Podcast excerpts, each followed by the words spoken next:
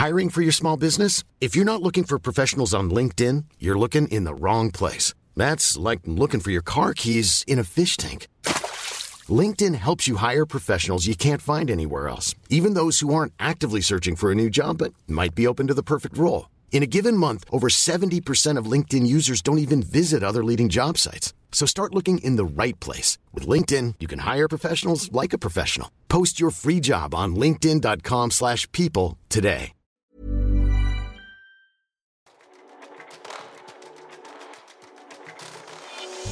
Hei og velkommen til Teknologitrender, serien som tar et entusiastisk, men også et kritisk blikk på hvordan teknologi og digitalisering endrer og påvirker våre liv og næringsliv. Episoden presenteres av Episenter, Oslo Sub for digital innovasjon og et økosystem for innovative selskaper i vekst. Gå inn på episenteroslo.com og bli medlem du også. Mediebransjen står ikke stille. Den er ikke uberørt av teknologiutviklingen, og disrupsjonen lever i beste velgående. Og som om det ikke var nok, så vil eh, om kort tid digital markedsføring være fundamentalt endret. En aktør som har vært med på å endre dagens spilleregler, er det danske Adtech, eller Adtech-selskapet Adform som er det eneste globale adtech-selskapet med hovedkontor her i Europa. Og jeg har fått besøk av countrymanager for Adform Norge, Jan Bertrand Danielsen, for å høre mer om hvordan markedet for digital reklame og markedsføring vil utarte seg i 2024 and beyond. Velkommen til Teknologitrendet, Jan. Takk skal du ha. Godt å være tilbake. Ja, ikke sant? Ja, for det er tredje Ja, året, tredje gang, ja, hvis ikke jeg husker helt feil. Og den andre gangen vi da spiller inn det er ikke bare, Vi er ikke bare sponset av Episenter, vi spiller inn hos Episenter. Yes, practice what you preach. ja, ikke sant? Du, Med tanke på den pågående diskusjonen om Cookens død, Mm. en diskusjon som har pågått lenge, egentlig Ja, det var fireårsjubileet for eh, at Google sa at de skulle ta livet av nå her i, i januar. Så det, ja, det, det er en stund. Kan du kort da forklare hva det faktisk betyr for digital markedsføring, og hvor sannsynlig det er nå da, at uh, kaken endelig dør eller avvikles? Ja.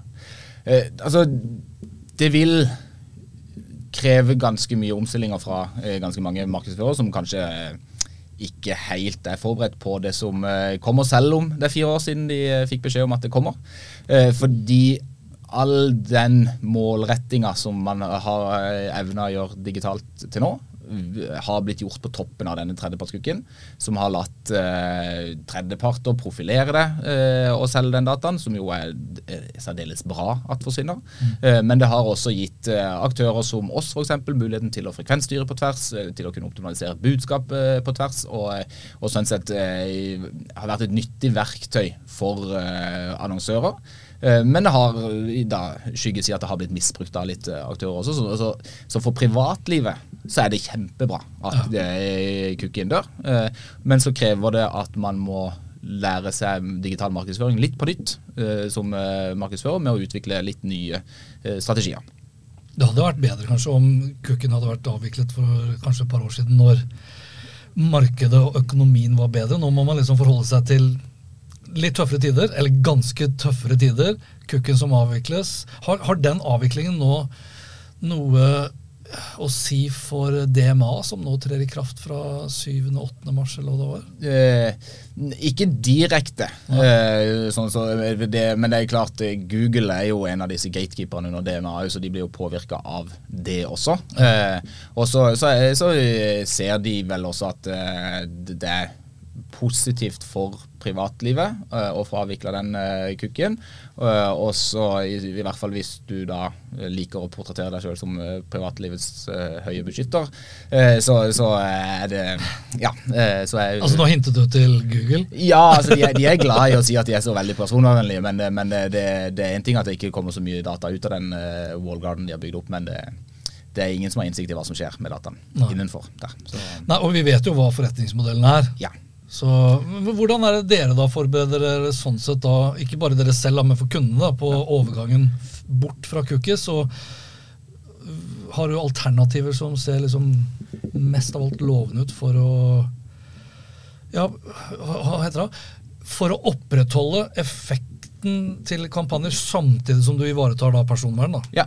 Eh, vi var veldig tidlig ute i markedet. altså Det det er litt under fire år siden vi slapp vår første versjon av, vår, av det, det som vi ser, fortsatt ser på den som den mest eh, skalerbare løsninger til tredjepartscookie. Det dreier seg om aktivering av førsteparts-ID-er, og eventuelt da koble på førstepartsdata på disse eh, ID-ene. Det vil i praksis si at istedenfor at eh, vi som teknologileverandør plasserer en ID på de som bruker på tvers av eh, sider, så er det eh, publisisten som plasserer en ID på det, enten i form av en innlogga ID fordi du har eh, logga deg inn, eller en probabilistisk ID. Men den ID-en tilhører eh, publisisten og kringkastes ikke ut i et økosystem, men, men, eh, men lever kun på det domenet. Og sånn sett det, eh, vil ingen tredjepart ha muligheten til å kunne berike de dataene eller eh, kapitalisere og selge de dataene uten at den som kontrollerer ID-en, Mm. er involvert i det. Eh, og, da, og da har, har man jo da selvfølgelig ansvar for å eh, involvere eh, forbrukeren også hvis man ønsker å bygge forretningsmodeller på toppen av disse ideene. Men da, det, da er det mekanismer for hvordan man kan hente inn de, de samtykkene der også. Men den store overgangen blir, eller store forskjellen er at ikke du lenger har den kringkastinga av ideer som, som Gud og hvermann i prinsippet kan eh, teppe seg inn på og, og, og bygge videre.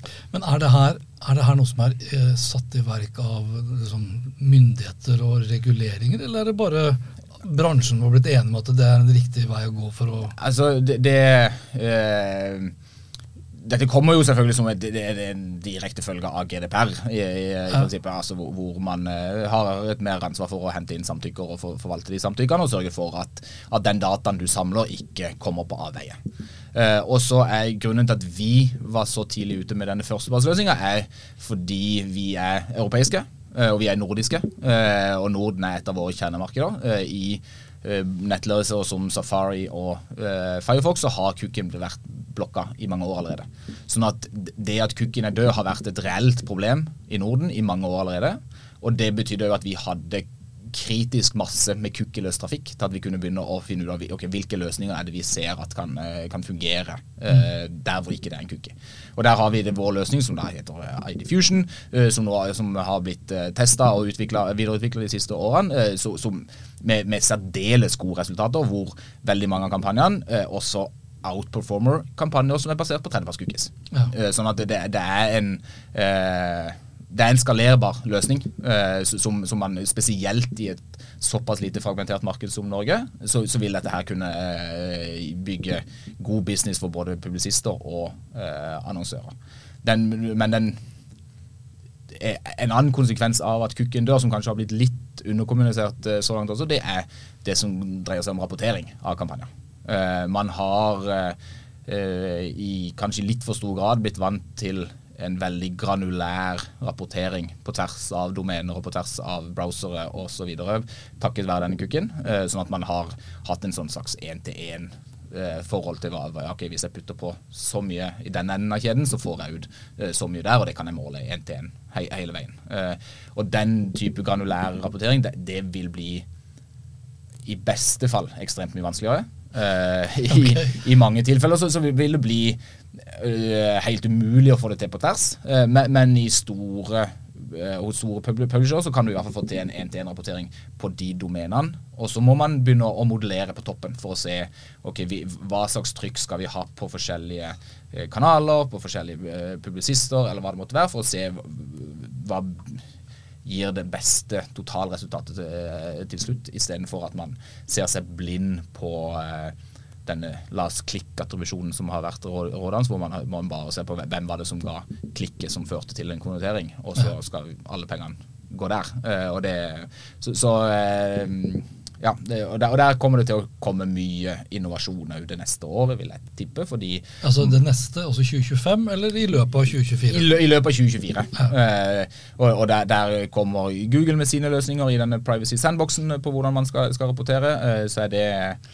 aggregerte data og eh, litt eh, eh, ja, litt usikker hvor mye man skal belage seg på at det er hele sannheten, men det er i hvert fall en del av sannheten. Eh, og så må man eh, finne andre måter å, å, å gjøre denne her modelleringa så smidig som mulig, eh, uten at man skal inn i lange flerårige løp for å kunne eh, måle eh, effekten av, av en, en kanalmiks. Men det du nevnte jo at en del av nettleserne allerede har liksom beveget seg vekk fra det. Mm. Eh, Safari nevnte du. Ja. Så hvis du tar, hvis du tar liksom iPhones i dag, da, som har en ganske dominerende posisjon i Norge, og alle da som bruker Safari på toppen av det, og Firefox og Mozilla, er det ikke det? Ja, Firefox og Mozilla er det samme, Ja. eh, men, eh, i tillegg så er det en del Chrome-brukere som allerede aktivt blokker det. Ja. Og så var det første steg i Google sin deprekering av den tredjepartskukken kom nå 4.1, da de fjerna støtten på 1% av Chrome-brukere. Eh, så under det er en veldig stor eh, prosentandel, men, eh, totalt sett i Norge så, så, så kan du regne rundt ja, litt i underkant av 50% av browserne er allerede kukkeløse. Ja. Så det vil si at hvis, hvis du belager deg på eh, plattformer eller strategier som eh, er avhengig av en tredjepartscookie, så velger du egentlig aktivt bort nesten halvparten av kundemassen din.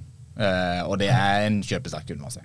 Så hvis, så hvis du ikke har en cookie-løs uh, strategi allerede, så er det på overtid. ja, det vil, jeg, det. vil jeg absolutt si. Ja. Uh, og så, så er jo spørsmålet om som, som du har spurt, kommer han virkelig til Kommer kukken virkelig til å dø i år? Og der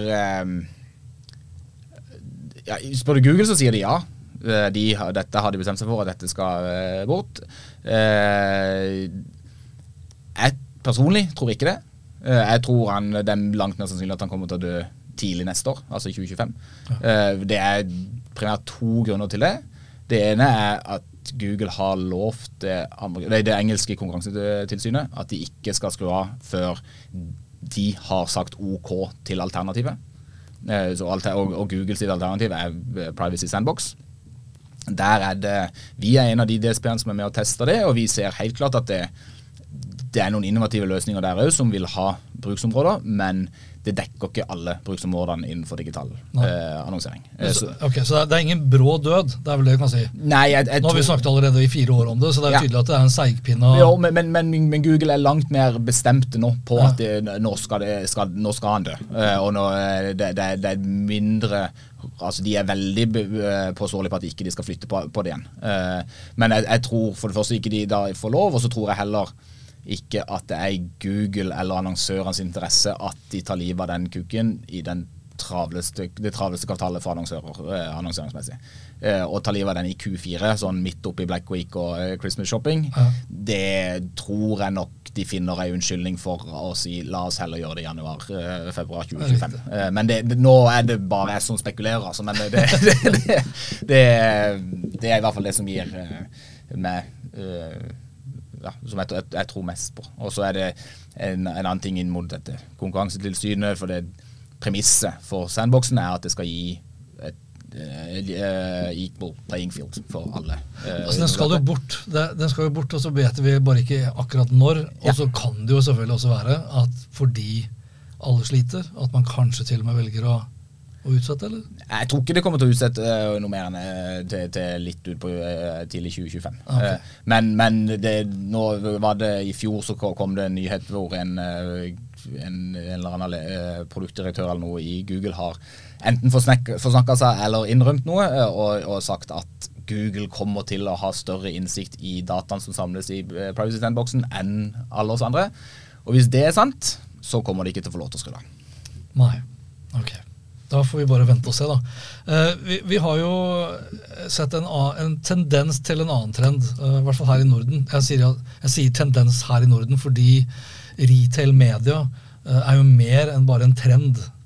I hvert fall i USA, da, hvis vi ser da på, på f.eks. Amazon. Du har jo skrevet og uttalt litt om retail media også, bl.a. at retailerne kommer til å bli de nye mediehusene i 2024.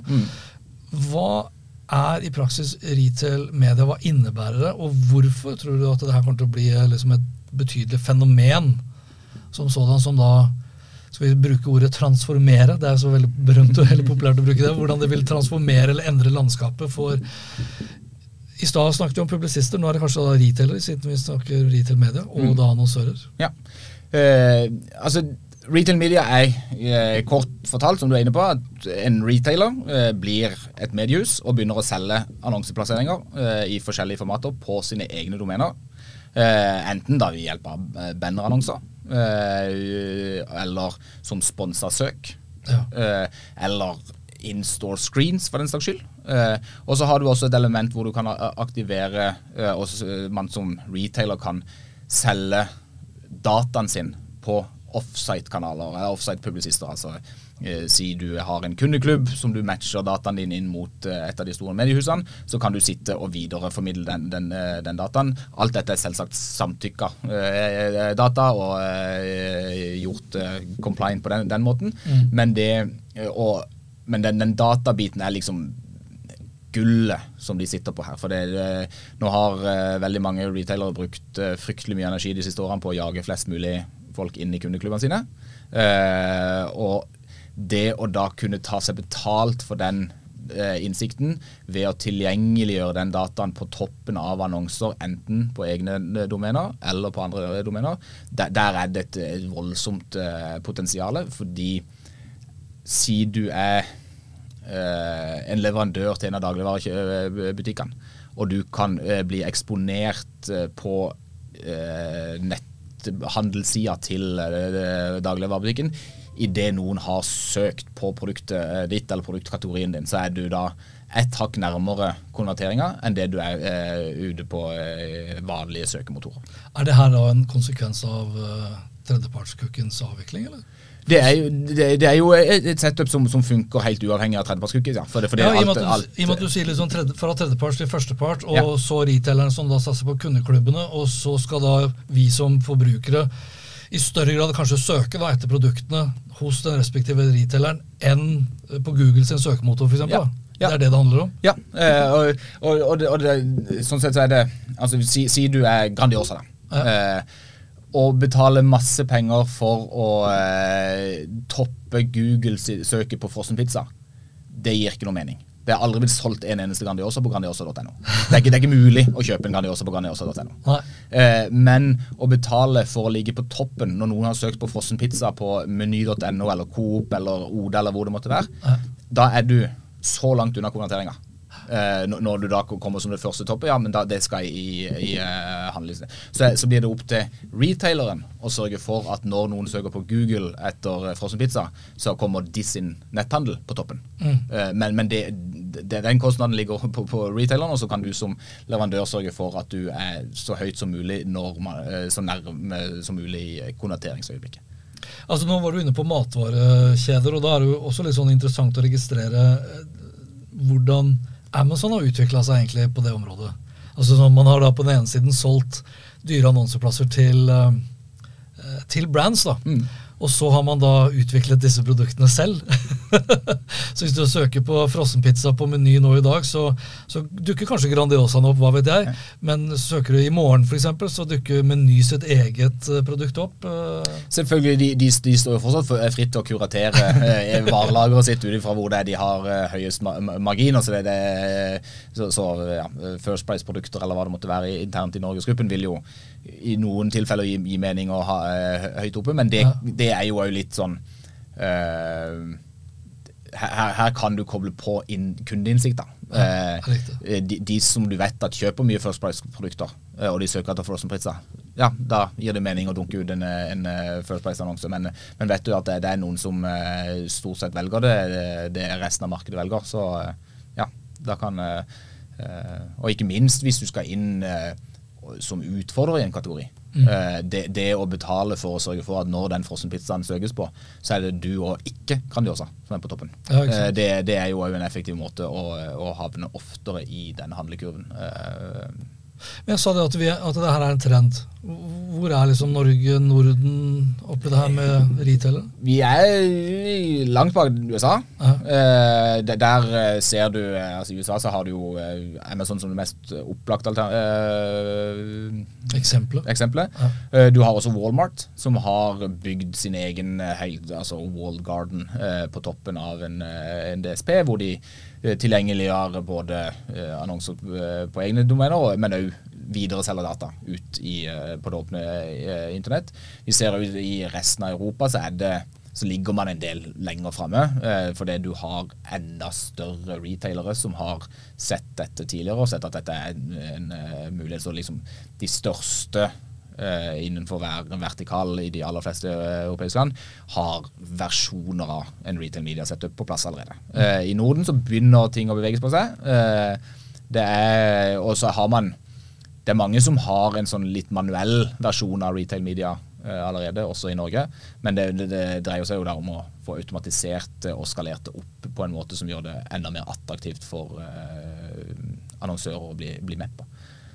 Ja, for du har jo liksom hvis jeg, hvis jeg tar, eh, ikke tar feil nå, da, med type elkjøp med deres plattformfokus, er jo litt av den tankegangen. Mm. At du, liksom, du, du, kan, du, skal kunne handle ikke bare Elkjøp sine produkter, men partnere til Elkjøp. Men verken Elkjøp eller Komplett, som også satsa litt på det her, det, det, tok liksom ikke av, i hvert fall? Uh, nei, altså nå, nå, vet jeg jo ikke detaljer i hva, hva, hva, de har gjort og hvor godt det har funka, men, men, noe kuratering er det av varelageret der også. Uh, så, uh, også jeg er jeg usikker på hvor mye av det som er manuelt, og hvor mye som er automatisert. Jeg antar jo at det er problematisk for Google å kunne stå for det sponsa søket. Eh, fordi de vil det, ja, de vil ha pengene hos seg. Mm. Uh, så, så, så, jeg er litt usikker på om de har fått til en ordentlig løsning på det, men, men, men det er jo nettopp tankegangen. da. Altså, for dette er jo ikke bare en dagligvareløsning, dette er jo i aller høyeste grad relevant for elektronikk og sportsbransje og alle som har nettbutikker med stort volum. Uh, så, så, vil det være verdifullt for en annonsør å sørge for at du blir eksponert til eh, kunder som det er stor sannsynlighet kommer til å, å, kjøpe det. Ja, så blir vi vel mer altså, Det viser seg vel også at vi i større grad liksom har våre prefererte retailere. Ja. Slik at vi ikke trenger å gå innom Google først. Mm. Ja, ja, ja. 100 eh, altså det, det, det, det er vel, Jeg tror det er veldig få eh, handleposer på, fra dagligvaren som begynner på Google. ja, det er et godt eksempel. Ja, um, men det er, det, det er mange trender her. Eh, Omnikanal er også et sånn het potet omtrent, hvis vi kan kalle det for, for deres del. Mm. Eh, det var, Jeg husker når jeg holdt på som verst med sosiale medier og det ene etter det andre. Stormberg også var et sånt klassisk eksempel på, på Omnikanal-diskusjonen. Det har vært ganske stille nå den siste tiden. Hvor er det Omnikanal passer inn i deres annonsestack, og, og hvordan ser dere på integrering her av uh, CTV, altså Connected eh, TV, mm. i så måte? Ja, eh, altså Edform har, eh, er og skal fortsette å være en såkalt omnikanal DSB. Eh, det, det, betyr i første rekke at Si hva DSB er. Eh, demand Side Platform, ja, altså en kjøpsplattform. Det er der, der, hvor du kan kjøpe programmatiske annonser. Riktig. Eh, og, og, det å kunne kjøpe i prinsippet hvilken som helst digital skjerm eh, via eh, vår DSP, mener vi at har effektivitetsfordeler med at du kan istedenfor å hoppe fra plattform til plattform, så kan du sitte og kjøpe alt et sted. Og, og vi har, vi har omnikanalvarelager tilgjengelig. Du kan kjøpe både utendørs video, noe CTV og lyd, for den saks skyld, hos oss. Og så kommer det mye Uh, mye fra oss det neste året på utviklinga av uh, eh, UX-en for å, å, være enda mer omnikanalvennlig i medieplanlegginga og hvordan du legger opp kampanjen. Og, og det å kunne komme med litt anbefalinger på hvordan man skal nå sine kopier på tvers av, uh, av skjermene. Men når, sier, når, vi sier Connected, eller CTV, da, bare for å ta det veldig kort, mm. er det VGTV vi snakker om da, eller snakker vi liksom TV2 Play og Discovery? Og Primært, altså eh, da, da er det eh, TV2 Play og Discovery og eh, ja. de mer Det som tidligere var den tradisjonelle lineær-TV-en, som nå blir Konsumering av de kanalene også blir i større og større grad flytta over til eh, altså app-titting, eller i hvert fall på TV-er som er tilkobla internett. Eh, og det at du har den tilkoblinga til internett, betyr at man har mye større grad til å kunne målrette på sikt, man vil kunne optimalisere. Man vil gå fra at det å kjøpe TV er en én-til-mange-kommunikasjon, eh, mm. til at det blir, om ikke én til én, så blir det i hvert fall én til veldig mange færre. Eh, ja. Så altså én til, en til per husholdning du kan optimalisere, og at det blir, det blir et mye mer fragmentert varelager, uh, istedenfor at du kjøper ja, sponset eller en reklame foran Farmen som, og satte på at ja, det blir litt sånn spray and pray. Det er mange nok som ser dette, at du får en effekt. Så, så kan du optimalisere mot at de som sitter og ser på Farmen, og som faktisk er i markedet for, for det produktet ditt, eh, kan det bli eksponert på det, og så kan du la være å kjøpe det på de som eh, ikke er i markedet ditt. Men den teknologien der har jo eksistert lenge. Er det, det TV-kanalene som har vært litt uh, treige på trekkerne? Eh, det korte svaret er jo litt ja her. Eh, for igjen så, så, ligger Norge en del eh, bak litt større markeder, eh, som er for så vidt naturlig, det. og så er det Eh, så skal de få lov til å svare sjøl på hvorfor det har, eh, kanskje har gått litt, litt, litt senere. Men, men, poenget er vel at det, det, nå begynner det å skje ting. Fordi de også ser altså kanal, TV-kanalene ser i større grad at eh, de vel også nå har mye å tjene på å endre litt på måten de selger annonsene sine på. Og så må kjøpersida òg eh, akseptere at den gammeldagse måten å kjøpe TV på ikke nødvendigvis er like gyldig lenger. Det, det betyr ikke at du skal kutte ut alt av linær-TV-kjøping, men det betyr at man er man et byrå, så, eh, så, har man tradisjonelt så har man hatt en egen TV-avdeling, og så har du hatt en egen programmatisk avdeling. Uh, og i en CTV-verden så må du da enten lære de som kjøper TV, hvordan kjøpe programmatisk, eller så må du lære de som kjøper programmatisk, å tenke TV. Uh, fordi det, det, er noen vesensforskjeller her som det må tas, tas hensyn til, men at det må Eh, endres i måten man tenker TV. Eh, og det er også på de direkte kjøpene du gjør inn på CTV, eh, CTV-varelager. Det må det må tenkes nytt da, på hvordan det, det kjøpes og aktiveres. Også, og da vil da, ja, da, I løpet av året så vil jeg tro at det aller meste av varelageret er tilgjengelig for kjøp. Ikke nødvendigvis programmatisk, men i hvert fall at du kan kjøpe det. Og så får man se hvordan de største aktørene velger å tilgjengeliggjøre det. Siri. um, og så har, du har sånn som i, i, i Sverige for eksempel, så har jo eh, TV4 gått ut og sagt at de skal gjøre alle CTV-visninger eh, programmatisk tilgjengelig. Eh, det tror jeg ikke kommer til å skje i Norge, eh, av flere forskjellige grunner. Eh, det er litt med kontroll og litt med hvordan de kan gilde inntektene sine, som de kanskje kan gjøre bedre med å selger mye fortsatt på en én-til-én-basis inn mot, mot, de som kjøper, men det at du i det minste kan optimalisere eh, langt mer granulært enn det man tidligere har gjort på TV-kjøpene, det, det, er noe som jeg ser på som uunngåelig. Ja, Okay, Så man melker liksom den kua så lenge man kan, og i fare for å kannibalisere mer enn nødvendig. da. Ja. Men allikevel så er det jo, når du sier at vi er litt sånn seint ute, kanskje, eh, så er jo både liksom overgangen fra tredjepart til førstepart, altså kukkens død. Eh, retail media som en ny trend, Omni-kanaler, er jo alle tegn på, syns jeg i hvert fall, at vi ikke endrer oss før vi absolutt må. Ja. Det, det, det er ja, du kan enten se på det sånn at du endrer ikke før du absolutt må, eller eh, at man eh, som du sier, melker kua så, så, lenge som mulig for å maksimere inntektene. Det, Hvilket er fornuftig på ja. mange måter. Ja. så det er jo alltid en balansegang, så er ja. kanskje den balansegangen har blitt vanskeligere å balansere på, i og med at uh, vi har fått liksom, den dyrtiden mm. vi har da med altså Én ting er jo TV-kanalen eller CTV som skal tilpasse seg det her. Så var det vel ikke alle som trodde at det skulle bli like tøft som det ble Eh, for 2024. For alle piler peker i hvert fall i retning av at de aller fleste annonsører ønsker å ikke bare spare, men å optimalisere. Så mm. da må man kanskje snu seg raskere rundt. Ja. Og når vi da, på toppen av det, da eh, Det var derfor jeg var innom DMA. altså Vi ser jo et Europa nå som tar større og større ansvar for å ivareta personvern, er jo én ting, men også eh, ivareta konkurransesituasjonen. Altså hindre liksom de monopolsituasjonene eller duopolsituasjonen vi har på mange måter. Mm. Uh, og så skal vi heller da ikke glemme da, uh, det miljømessige aspektet, altså bærekraftsaspektet av det her. Og nå må vel også da annonsørene fra 2024, hvis ikke jeg tar helt feil, i hvert fall begynne å måle avtrykket sitt, altså karbonavtrykket. Og nå må jeg se på notatene mine, fordi det er ikke så mange andre jeg har sett snakke om GCO2 PM. Nei, det, det, er det én ting vi ikke mangler i, i, min del av bransjen, så er det akronymer. Men det er godt å få introdusert et nytt et. Ja. Men det, det ja, altså GCO2 PM er rett og slett gram med CO2.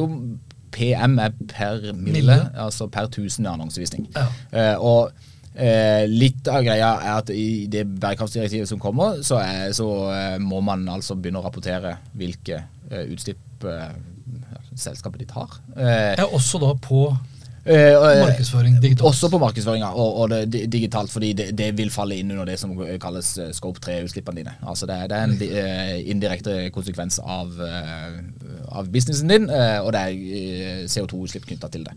og så kommer rapporteringskravet vel først fra 2025, men det blir jo da nødvendigvis på 2024-tall. så hvis ikke du begynner å tenke på hvordan du, hvordan du skal rapportere det i 2025, så, så vil du potensielt få en liten overraskelse i, i 2020. Er det her, altså nå sitter det kanskje noen og hører på som både jobber i store selskaper, men også i små. Gjelder, det, gjelder alt det her liksom alle virksomheter, og ikke sånn? Det, eh, altså nå skal jeg være forsiktig før jeg eh, sier for bastant, men ja, sånn som jeg opp, eh, forstår det, så, så, er det ikke noe, noe forskjell eh, på, på, de store og de små her. Det er klart, Forskjellen ligger jo at de store er langt mer opptatt av det nå. Eh, for det, de når dette skal bli håndheva, så vet vi alle at de kommer til å gå etter de største først. Eh, ja. Også, eh, så hvis det er en liten virksomhet på Otta som eh, driver med noe snekkertjenester, så kommer liksom verken Datatilsynet eller EU det, det, er vel lite sannsynlig at EU står og banker på døra med det aller første. Ja. i hvert fall. Eh, Men de de handler av, ja. vil, jo, vil, jo, passe på det her. Ja, og, og, så, og ikke minst så er det altså, Der var Kjerstin Bråten i DNB ute her i høst og, og skrev litt om hvordan de jobber med eh, bærekraftrapporteringa si, eh, og hvordan de inkorporerer dette, eh, eller hvordan de fortolker dette eh, direktivet som kommer, og knar det inn i en DNB-drakt. Eh, og, og hvor går ganske langt i å antyde at de samme rapporteringskravene som de legger til grunn for seg sjøl, vil man også eh, utvide til sine kunder, og hvor det vil kunne få eh, forretningsmessige konsekvenser om hvor god du er til å rapportere på det. Ja, dyrere lån, rett og slett. Ja. Dårligere finansieringsstøtte. Kort fortalt, uh, har du ikke kontroll på bærekraftsrapporteringa di, så, så, risikerer du å få dyrere lån. Ja. Uh, og, det, og, det, og, da igjen, du, du, var inne på at endrer, man endrer seg ikke før man må. Idet man begynner å kjenne det på uh, lommeboka, så er det ofte det som skal til for at folk begynner å og kanskje agere litt. At alle bankene blir enige om det samme. Hvis ikke så er det bare å gå til en annen bank. Når DNB tross alt er det dyreste i tillegg. Men det får man jo, Og der burde jo kanskje myndighetene også være litt sånn på plass, da. Ja. Så, eh, så, nei, så det, det, blir spennende å se hvordan dette her eh, spiller ut uh, i, uh, i, i, bransjen min da, det, det neste året. Hvor, hvor, hvor, alvorlig uh, annonsører og ikke minst byråer tar det, det, ansvaret. Altså ikke bare, Jeg tenker sånn for, på vegne av annonsører også, og for så vidt også publisister, da, men strenge reguleringer, tøffere marked strengere krav til eh, personvern. Eh, hvordan, og så videre, og så videre, holdt jeg på å si. Eh, CO2-utslipp etc. Hvordan har, har, det her, liksom, de siste års endringer og de siste års fokus, da, hvordan har det liksom påvirket uh, hvordan Adform uh, ser på liksom, utviklingen av av deres produkter og tjenester på, på vegne av markedet? Ja, eh, altså Vi, vi var eh, igjen ganske tidlig ute med å integrere oss med et selskap som heter Scope 3. Eh, navnet er jo da selvsagt ikke tilfeldig, eh, siden man snakker om Scope 3-rapportering. Men, men, eh, oh ja, men du, det, det, visste ikke jeg. Hva, hva betyr Scope 3-rapportering? Det, det, er, eh, altså, du har Scope 1 er det som er direkte knytta til produksjonen din. og så har du Scope 2 som er indirekte knytta til, til produksjon eller salg eller hva det er du holder på på, og så har du Scope 3D, som er liksom indirekte, indirekt, men som er eh, allikevel knytta til det du uh, holder på med. Ting henger sammen. Ja, ting henger sammen. Ja. Uh, uh, og, og, og, den integrasjonen lar annonsører optimalisere kjøpene sine bort fra de domenene som har høyest karbonutslipp. Uh, og det, det, som vi ser av de uh, tallene som har kommet fra, spesielt fra uh, resten av Europa, er at når man optimaliserer bort ifra de verste publisistene, så øker performance. fordi jo høyere kvalitet det er på varelageret, jo lavere karbonavtrykk er, har man som oftest.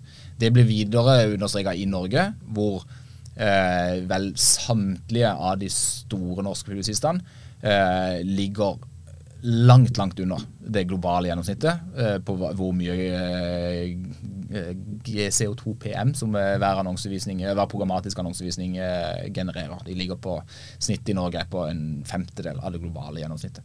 Sånn at den, den optimaliseringsbiten, hvis du har Norske publisister. Norske publisister, ja. Så, så, så for, for norske annonsører så har de en fordel av at hvis du, hvis du handler lokalt, eh, så gjør du det. Eh, så, så gjør du den delen av markedsføringa di så, så egentlig så bærekraftig som, som mulig. Og da vil du jo Nå bare tenker jeg høyt her, for da vil du jo i større grad da eh, ikke risikere f.eks. at DNB eller andre banker kommer da med pisken da, og sier at det blir dyrere å finansiere osv. Men, men tror du For vi vet jo at de største svina, hvis vi kan kalle det det, er jo f.eks. de største sosiale medieplattformene. Og Kommer de, tror du, til å få like store krav på seg til å få redusert liksom, dette GCO2 PM-avtrykket i Europa som altså det, det, det, jeg har ikke sett noe i eh, direktivet fra EU om at uh, er du amerikansk eh, og sosiale medier, så slipper du unna. Uh, så, så, Ja, Det burde jo ikke være sånn, i Nei, hvert fall. For Hvis ikke så er jo det et veldig sånn skjevt forhold. Men, men, men, men, da, da kommer vi nå inn, inn i litt i den avveininga. Ok, er det eh, Hører det hjemme i Skop 3-regnskapet til norske annonsører? Eller hører det egentlig hjemme i Scope 1-regnskapet til uh, den sosiale eh, eller den, den plattformen? Eller hører det hjemme begge steder? Ja. Eh, og, og hører det hjemme begge steder, så, så må man jo da finne en måte å rapportere det effektivt på i disse, på disse sosiale medieplattformene. Og det ja, Uh. Og hvis du da er en liten, hvis du da er en liten aktør og du altså, man, blir jo, man blir jo veldig avhengig av at markedsføringsmidlene, som da er ganske begrensa for veldig mange, Mm. når uh, altså har størst mulig effekt. da. Ja. Ja, ja, og det, men dette henger, henger sammen ø, litt, litt tilbake til det eh, det vi snakker om vår førstepassløsning. da. Eh, Ja. hvor, hvor det å kunne eh, holde styr på frekvensen din på førstepartssider, Mm. som er helt uavhengig da, av frekvens på tredjepartscookies, det betyr at du, kan, eh, du ikke overeksponerer eh, noen brukere med budskapet ditt. Det betyr at du ikke du, du, du, har så, du, du, du, du bruker så få visninger som mulig for å få den ønska effekten. Ja. Eh, og den såkalte annonsewasten blir så lav som eh, mulig. Og da blir også eh, CO2-avtrykket ditt så lavt som mulig. Så så det, det, det henger sammen. Det, det å, å ha kontroll i, i alle ledd da, er med på å redusere det avtrykket også, fordi det, det dreier seg om å ja, Søppel er ikke bra i verken digitalt eller Nei, men Det krever jo ganske mye mer ny kunnskap og kompetanse fra annonsørens side. Definitivt. Det, man, må, man må skjønne hvordan eh, kan man rapportere på eh, klimaavtrykket sitt i de plattformene man eh, bruker. Man må definere hva, hvilket karbonavtrykk er akseptabelt eh, å leve med. Eh, for det nullutslipp er liksom Det er ikke, det er ikke nødvendigvis gjennomførbart. Eh, men, men da ha en en slags risikovurdering knytta til hva, hva, hva er akseptabelt, og, og hvordan kan man, hva kan man gjøre for å få det så lavt som overhodet mulig. Hvis du skulle kommet med altså med tanke på hva, med tanke på hva som skjer knytta bare til digital markedsføring nå i dag, så er det jo mange ting allerede som vi har snakket om nå. Og så skal dagens uh, markedsfører og dagens selskaper, ledelsen, de skal jo gjøre ganske mange prioriteringer. Mm. Hva, hva tenker du vil være de viktigste tiltakene som annonsører bør gjøre i dag for å være godt forberedt på de utfordringene som, og de endringene som enten er både nærliggende, som de må liksom nå, men også de litt, litt lengre frem i tid? Eh, få kontroll. Ja. Jo, ja, men- ja, men Er det situasjonen at folk ikke har, eller bedrifter ikke har kontroll? tenker du? Jeg tror det er fryktelig mange som ikke har nødvendig grad av kontroll. ja. Eh, Jeg tror det er veldig mange som eh, altså, Nå snakker vi jo selvfølgelig da isolert om eh, digital annonsering, men der tror jeg det fortsatt er veldig mange, eller jeg vet at det er veldig mange som fortsatt eh, er litt sånn struts i møte med framtida, og begraver hodet og sånn, si, si ifra når det er over. Eh, eh, Eller håper på det beste, bare. ja, og håper på det beste og satser på at, at hva, hva, hva, er- en løsninga til Google eller de store plattformene at det er godt nok til at de kan fortsette å stole blindt på de rapportene som kommer ut av disse plattformene, og vise til sin sjef og si 'se, jeg var flink'. Mm. Uh, og så, eh, men, men jeg tror at skal du skikkelig lykkes og ta markedsandeler og, og eh, ja, være en av vinnerne i, eh, innenfor digital annonsering framover, så, så, må du ha få kontrollen på adstekken din, få kontrollen på hvor pengene dine flyter, få kontrollen på hvor budskapet ditt eksponeres, eh, hva slags frekvens du har på budskapet ditt, hva slags, og, og sørge for at dette her er transparent, og ikke bare sitter i en eller annen wall garden og så, så skal du stole blindt på det som kommer ut. for det det er ikke sikkert det er godt nok da, eh, den da noen ber deg vise kortene. Uh, selv om du sannsynligvis ikke vil uh, få, få, en svær bot i fanget der og da, uh, så er det fortsatt litt det å ha få den oversikten og den kontrollen, for da kan du også gjøre kvalifiserte avveininger knytta til datainnsamlinga di.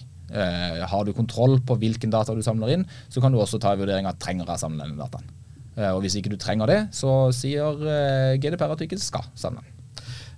Hvis jeg tenker høyt høyt igjen da. Altså, det å si at man må få kontroll, er jo litt sånn lettere sagt enn gjort for mange. Mm. Er det ikke mange som bare lurer på liksom, hvor, hvor, begynner jeg, da? Hvor skal jeg begynne for å få kontroll?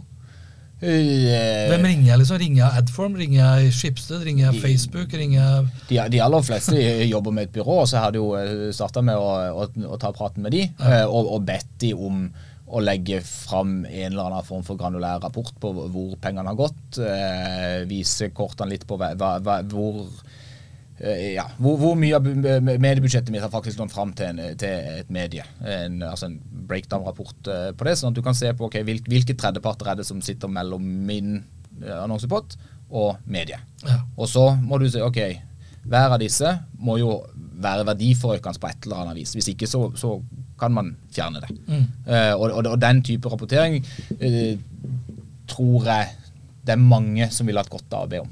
Uh, og, så, få hjelp av, av byrået sitt til, til, å forstå hva det er som, som, står der. For det er ikke nødvendigvis gitt at man, eh, man forstår alt som står der, eh, og, og langt, mer, langt, mindre forstår hvordan man skal optimalisere basert på den. Men det å få den oversikten og få den kontrollen. ja.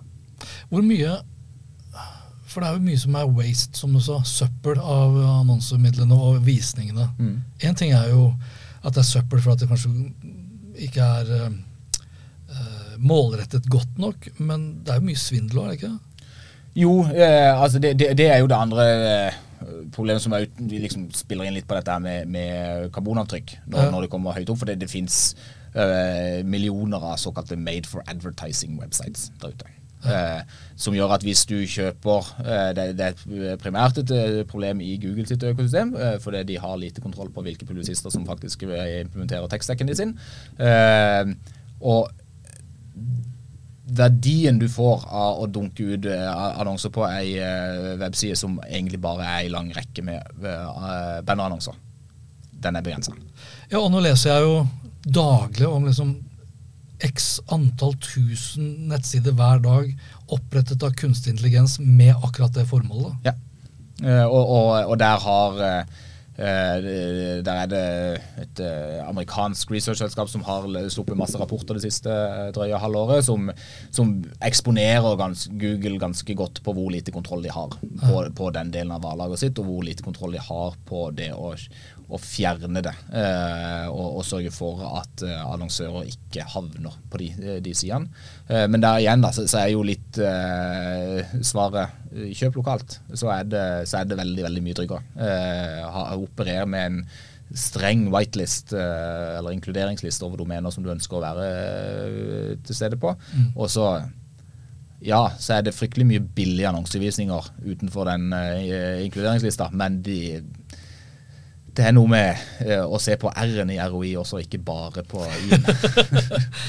ja, og si, hvis du er opptatt av din egen merkevare, så bør du vel også være opptatt av hvor den merkevaren blir eksponert? Da. Selvfølgelig. Ja. Det, det, det, er ja, jeg har ikke sett, for så vidt ikke sett noen noe, eh, noe studier på det, men, men, det er klart det å uh, ha merkevaren din eksponert på sider som står veldig langt ifra de, uh, selskapets verdigrunnlag, er jo, det er jo ikke bra. Uh, selv om, selv om som jeg, jeg husker ikke hvem det var som sa det en gang i tida, eh, rasister spiser rød pizza. Eh, men det, det, blir jo en sånn veldig voldsomt eh, ansvarsfraskrivelse. For det, det er én ting hva det gjør med verkevaren din, men det andre er jo hva, hva, er du på et personlig plan med, komfortabel med å sponse?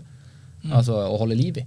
Eh, det Og da er det jo lett å si 'out of sight, out of mind'. Og hvis ikke du har kontroll, Ja. så vet du bare ikke. Inntil det- det er noen andre som forteller deg det. Nei, men, eh, men da kommer vi tilbake til den, den kontrollen, da. Det, Ja, ikke sant? Så skaff deg den kontrollen. Uh, vi skal gå inn for landing, hvis vi skal bruke metafor her. Adform er jo, jeg tror for mange, et forholdsvis litt sånn ukjent uh, navn. Mm. Uh, vi sa det er det eneste europeiske, altså globale selskap med hovedkontor i Europa, i Danmark, eh, hvis vi er mer spesifikke. Mm. Hvordan, hvordan ser du for deg liksom Adforms rolle i det å forme fremtiden for digital markedsføring? Uh, og hva kan annonsører og partnere sånn sett da forvente å se og få fra dere i årene fremover? Mm. Eh, altså, det, det, det, er, det jeg har sagt mye de siste åra. Det, det er en fin tid å jobbe i europeisk eh, edtech, eh, for å si det sånn. Ja. For det, det at vi har dette europeiske eh, den europeiske opprinnelsen vår, har gjort at vi har eh, vi har etterlevd eh, prinsipper bak privacy by design lenge før det var noe mm, som ble stilt som et krav. Eh, det, vi har hele tida hatt eh, transparens som en av eh, liksom, grunnsteinene i hvordan vi opererer. At det er, det er ikke vi som skal eie noe data, det er annonsøren som skal eie den dataen som genereres her, og de skal ha full innsikt i, i hva det er som skjer i, eh, i plattformen. Og det som vi jo har sett de siste par årene, er at nå begynner de USP-ene i enda større grad å resonnere med annonsører. Det, det, det, igjen, det er noe med det Og da er USP Uh, Unique selling points. altså, DSP, USP Ja, ja, ja. Nei, men altså det, som vi, vi har hele tida gått i markedet og sagt er unikt med oss, Ja. eh, det, det begynner å, å, å virkelig resonnere. Fordi det å ha den eh, transparensen, da, det gir deg den kontrollen eh, på, på hvor, hvor er det kampanjene mine går, hvor ofte er det jeg eksponerer kundene eh, mine for budskapet mitt, hvor ofte er det finner de, hvor, hvor er det finner de. Uh, alt dette her får, altså Transparens ligger jo som et fundament for å få uh, kontroll. Hvis ikke du har det, så, så blir, det, blir det veldig vanskelig. Så, så, og vi skal jo fortsette å å bygge opp under den, det unike med oss. At vi, vi, vi er transparente, og vi, er, eh, vi, vi følger europeisk lovgivning. Og vi, overfører ikke data ut av eh, EU. Vi, det, det holder seg på servere i eh, EU, og da er underlagt e- europeisk lov hele veien. Eh, Sånn at det skal være det. Det trygge valget hvis du er opptatt av compliance, data compliance. Eh, og, så er det klart hva, hva vi kan forvente av Adform i tida framover. Det er klart det blir vanskelig å ikke nevne AI, eh, for det, det er selvfølgelig det alle eh, snakker om nå. Men Adform har brukt AI i plattformen vår i mange år. Det, det, det, altså Hele algoritmeløpet vårt er i prinsippet AI eller maskinlæring. Altså det, det, det er sånn de, de utvikler seg, det er sånn de, de bygger seg. Men det at du har den transparensen inn i hva det faktisk leverer, betyr at det blir litt sånn AI med kontroll. Du har kontroll på eh, hvordan den eh, AI-en opererer, og sørger for at den fortsetter å eh, optimalisere mot dine beste interesser, primært. Ikke eh, at, eh, som, som det er i en del andre wall gardens, eh, hvor man har hvor algoritmens første, største ansvar er å optimalisere mot plattformen sin eh, inntjening. Jeg tror vi sier det var det for, eh, for denne gang, rett og slett. Og da inntil neste episode, vær nysgjerrig, still også kritiske spørsmål, ikke bli en teknologisjåvinist, for det er den eneste riktige måten å møte fremtiden på. Lenker til det vi har snakket om også i denne episoden finner du som alltid på aspetter.info. Vi snakkes. Hei då.